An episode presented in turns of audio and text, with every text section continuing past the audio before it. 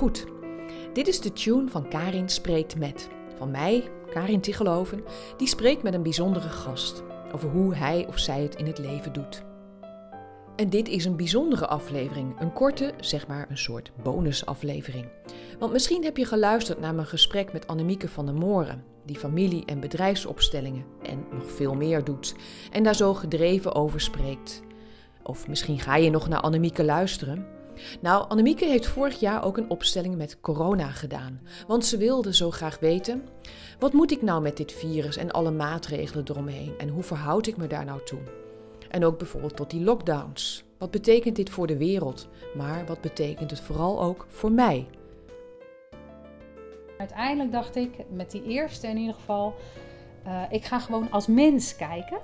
En uh, niet zozeer kijken, ik, um, het was niet zo van in de zin van ik wil een oplossing, maar het was kijken in wat kunnen wij nou zelf doen, wat kun, kunnen wij als mens doen om hier wat, hè, om hier zo goed mogelijk mee om te gaan. Dus toen heb ik gewoon een oproepje gedaan aan wie wil met mij mee experimenteren. En dan hè, eh, stop, stop wat geld in het potje voor de zaalhuur en uh, dat soort dingen. Dus we waren met een groep van acht. Ik vond het heel spannend. Ik vond het wel heel spannend om uit te reiken. Het was in oktober tegen een tweede lockdown aan. En uh, mag dat dan wel en hoe doe je dat? En, ik vond het heel spannend. Het voelde ook heel erg dat ik mijn hoofd boven het maaiveld uitstak. Maar toen hebben we gewerkt met een representant voor corona zelf, een representant voor de overheid, een representant voor de burgers, een representant voor de pharma, een representant voor de WHO en een representant voor datgene wat we niet zien. Oké, dat is ook wel een mooie. Ja. En in zo'n opstelling doe ik eigenlijk heel weinig. Dus ik laat alle representanten hun ding doen. Af en toe stel ik een vraag: wat gebeurt er nou? Of vertel eens.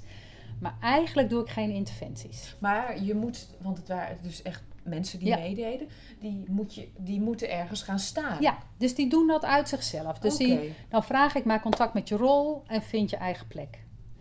Nou, en dan is het alleen al zoeken hoe zij zich tot elkaar verhouden. Dat is al een prachtig proces om te mm. volgen. En, ehm, en dan heel af en toe stel ik een vraag. Hoe is het nu hier? Hoe is het nu daar? Hoe is het nu daar? En sommige dingen snappen we en sommige dingen snappen we niet daar ging het ook niet over. Het ging over hoe. Verhoudt het zich allemaal tot, tot elkaar? En waar vinden wij zelf als burgers de sleutel? Ja. Nou, en het, het prachtige daarvan was, is dat corona helemaal niet zo dramatisch was. Die liep eigenlijk een beetje daar rond te flirten. Dat was echt. Dat je echt denkt, wat gebeurt hier? Doe jij nou? Ja. ja. En dat het eigenlijk alleen maar ging over het is onderdeel van het leven. Virussen zijn onderdeel van het leven. En op het moment dat wij als burgers ons weer op een gezonde manier gaan verhouden tot leven, ziekte en dood, uh, is al dat hele andere krachtenveld van Big Pharma, WHO, overheid, die onbekende factor, die valt weg. Ja, want die, hoeven dan niks meer. Die kunnen ook niet eens meer wat. Ja.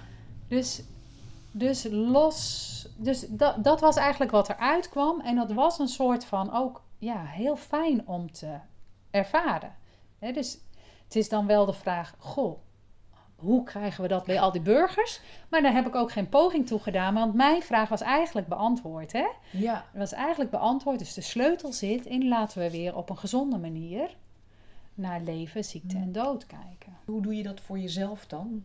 Ja. Nou ja, dus ik ben me heel erg bewust van gezond eten, biologisch eten, geen vlees, uh, goed bewegen. Uh, nou ja, weet je, allemaal van dat soort dingen. Vitamine, ja. Gaat het best echt bij far het beste via je blote billen, kan ik je wel vertellen.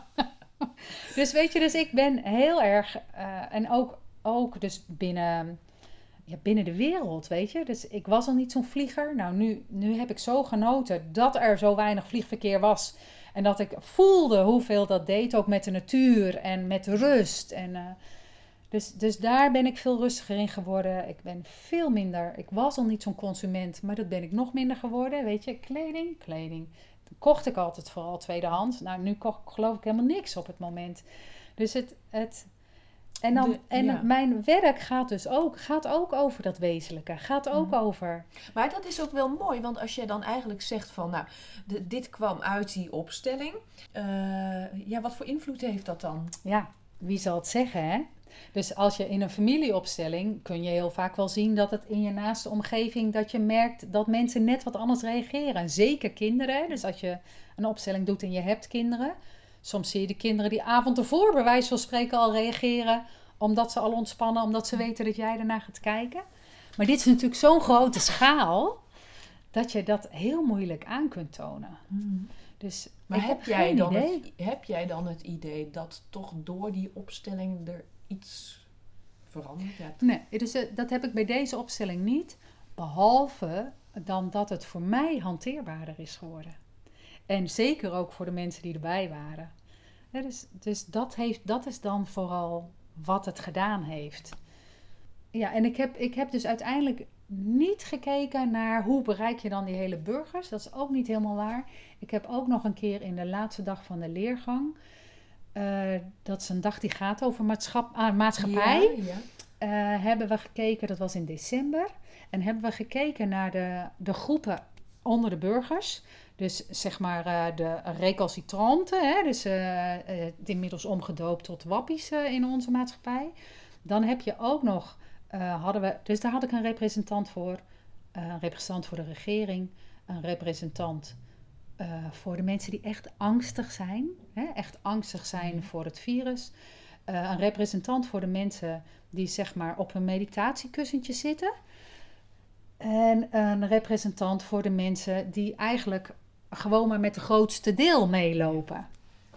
En daarin ook heb ik ook weer heel weinig interventies gedaan. Alles laten bewegen. Hè? Dus, en dan dat de angstigen gewoon echt achter een stoel gaan zitten. En, eh, en het meest interessante daarvan was... Oh ja, en natuurlijk corona er ook bij Ja. weer. Hè? Het meest interessante was dat ehm, corona... Dat, dat ehm, de opstandigen, zullen we maar zeggen, pal voor de regering ging staan. Ah, daar schiet je ook niet zoveel mee op. Hè? Dus dat was ook weer dat je dacht, aha. en corona daar dan gewoon dwars doorheen wandelt. En die de hele tijd maar zegt, ik ben helemaal niet zo belangrijk hoor. Ik weet niet wat jullie ervan maken, maar ik ben niet zo belangrijk.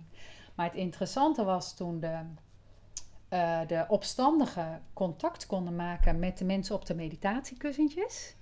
Toen konden de opstandigen wat ver- verzachten. En toen ging het weer over de bron. Dus, het, dus er was ook, stond ook een bron daarin. Hè. Er stond Ja. natuurlijk precies in die ruimte een bloemen met water. En daar zaten die meditatiemensen bij. Maar het was net alsof de opstandigen konden verzachten daardoor. En daardoor een gezondere plek in kunnen ne- konden nemen. En die konden naast de regering gaan staan en toen samen kijken. Nou ja. Dat hebben we nog niet gezien in de maatschappij, helaas. En het contact met de bron, dat is dan de bron van leven, van... Ja. het- ja. En dan kom je weer op datzelfde terug in een, in een gezonde manier, om, hè, op een, een normale manier kijken naar ziekte en leven en dood. Een ziekte als onderdeel van het bestaan en dood ook als onderdeel van het bestaan. En dat, dat zie je van ziekte, hoe vaak hoor je het niet? Dat mensen heel ziek zijn geweest en dat we er ontzettend veel van geleerd hebben. Dus dat ziekte ook een functie kan hebben. Mm.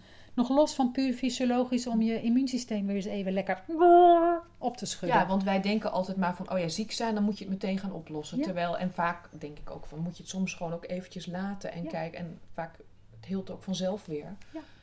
Ja, en dus heel vaak zeg je niet met een gebroken been, nou blijkbaar moest je even zitten. Ja, ja of- precies. ja, of, of, of eh, ja, dus eh, daar zitten natuurlijk heel veel uitspraken in. Ook ik denk, ja, ben je verkouden? Joh, ga drie avonden vroeg naar bed. Ik zeg altijd, een whiskietje doet wonderen. Ja, Zeker. dus weet je, dus eigenlijk zag je daar dus ook weer de kern van het bestaan, eh, het, het natuurlijke zijn.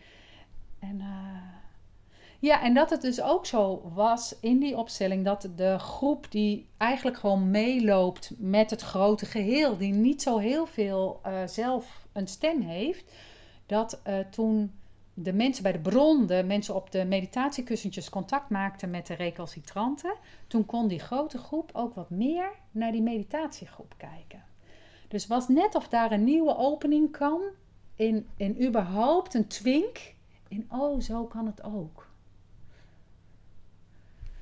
En wat is daar de les van dan? Nou ja, daarvan is het dan dat je dat hoopt. Dat, dat die grote groep die eigenlijk alleen maar meeloopt in de zin van waar is het het handigst, dat die een klein beetje meer van dat natuurlijke, oorspronkelijke gegeven weer tot zich nemen. Dat is wat je hoopt. Ja. ik, vind ook niet dat we, ik vind ook niet dat we dat al gezien hebben. Maar eh, het deed mij in ieder geval heel erg goed om te zien hoe wezenlijk, het was, om, hoe wezenlijk ook de meditatiekussentjes zijn, zullen we maar zeggen. dus dat iedereen dan een rol heeft in dat hele stuk. En dat als de meditatiekussentjes er niet zijn, de recalcitranten de pan uitvliegen. En daar schiet ook niemand wat mee nee. op. En je hebt er eigenlijk beide dus, de, de, alle kanten van het verhaal heb je gewoon nodig. En iedereen heeft daar zijn eigen rol Precies, precies. Wat is jouw rol uh, in het leven? Ja, dus ik, ik ben een, een, tijdje in een recalcitrante rol geweest. Um, maar ik ga dus iedere keer weer toch terug naar die bron. Ja, daar iedere keer weer terug. En ik vind ook dat ik in het loop van de leven heb altijd wel, ik, toen ik 17 was en op de HBOV zat, stond ik vooraan bij de verpleegkundige protesten, zeg maar. Dat zei ik ook voor, ik heb nog ergens een krantenknipsel voorop, weet je wel, zo. Dus in de loop van het leven is dat wat rustiger geworden. Hoort misschien bij je leeftijd, bij je ontwikkeling. en dat nu ook zo, hè, ook door dit werk, maar ook door mijn leeftijd en de overgang, dat het steeds meer teruggaat naar die bron. Maar dan niet alleen met mijn oogkleppen op dat meditatiekussentje, maar juist vanuit de bron verbinden met de rest van het veld.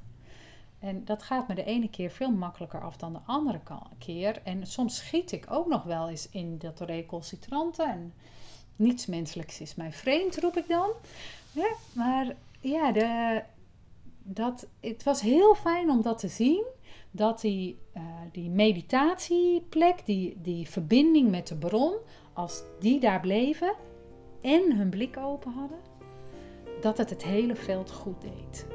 En denk ja, dus, dus ik blijf maar gewoon mijn werk doen, denk ik dan.